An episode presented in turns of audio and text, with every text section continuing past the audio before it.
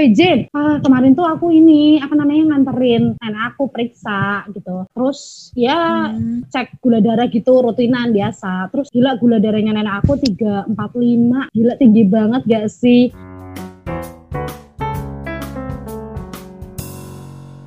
dokter tuh kayak nyuruh ngomongin tentang makanan-makanan gitulah tentang uh, indeks glikemik gitu gitu cuman ya aku bilang oh iya iya iya dok iya dok kayak gitu Jen iya sih emang pe kalau gula darah tinggi tuh emang pengaruhnya ke indeks glikemik sih hmm, gitu nah Iya sih, memang kemarin kan ya aku kan ya lupa-lupa inget ya. Nah terus uh, emang dokter tuh nyaranin kayak uh, coba mbak uh, konsumsi yang makanan yang mengandung indeks glikemik rendah gitu. Terus aku pikiran apa ya? Oh iya iya kayak jagung. Kepikiran aku sih cuma jagung bihun oats. Udah sih maksudnya yang sering-sering kita temuin kan kayak gitu tuh. Iya sih kayak buah juga ada loh pe yang rendah glycemic hmm. indexnya. Ada apel hmm. pisang wortel juga tuh. Oh, ada ya?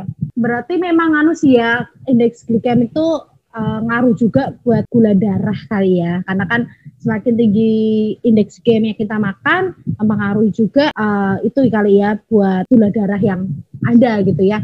Nah, tapi kan itu makanan-makanan indeks glikemik rendah tuh. Apa boleh nggak sih kita ini konsumsi indeks glikemik yang cenderung tinggi sebenarnya? Uh, kalau menurut yang aku baca sih boleh karena beberapa kasus gitu ya kita boleh mengonsumsi makanan yang glikemiknya tinggi misalnya uh, kebutuhan atlet gitu-gitu kan butuhnya hmm. beberapa makanan yang indeks glikemiknya tinggi gitu-gitu. Lagian hmm. orang kita aja yang gak DM, kita boleh kok mengonsumsi makanan dengan indeks glikemik yang lumayan tinggi, tetap ada batas konsumsinya gitu loh. Hmm, gitu ya.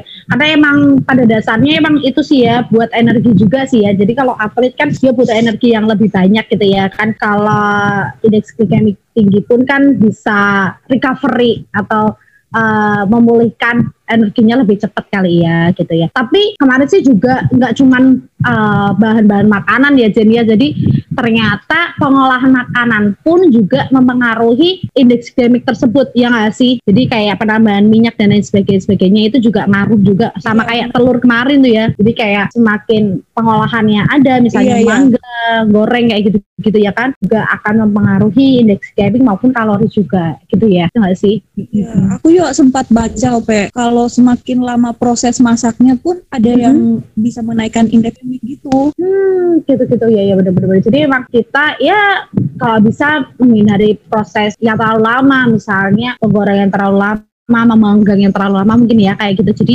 lebih kayak ya udah misalnya jagung ya udah direbus aja misalnya kayak gitu ya. Gak usah dijadiin bakwan gitu ya. Beda cerita. Gitu gak sih?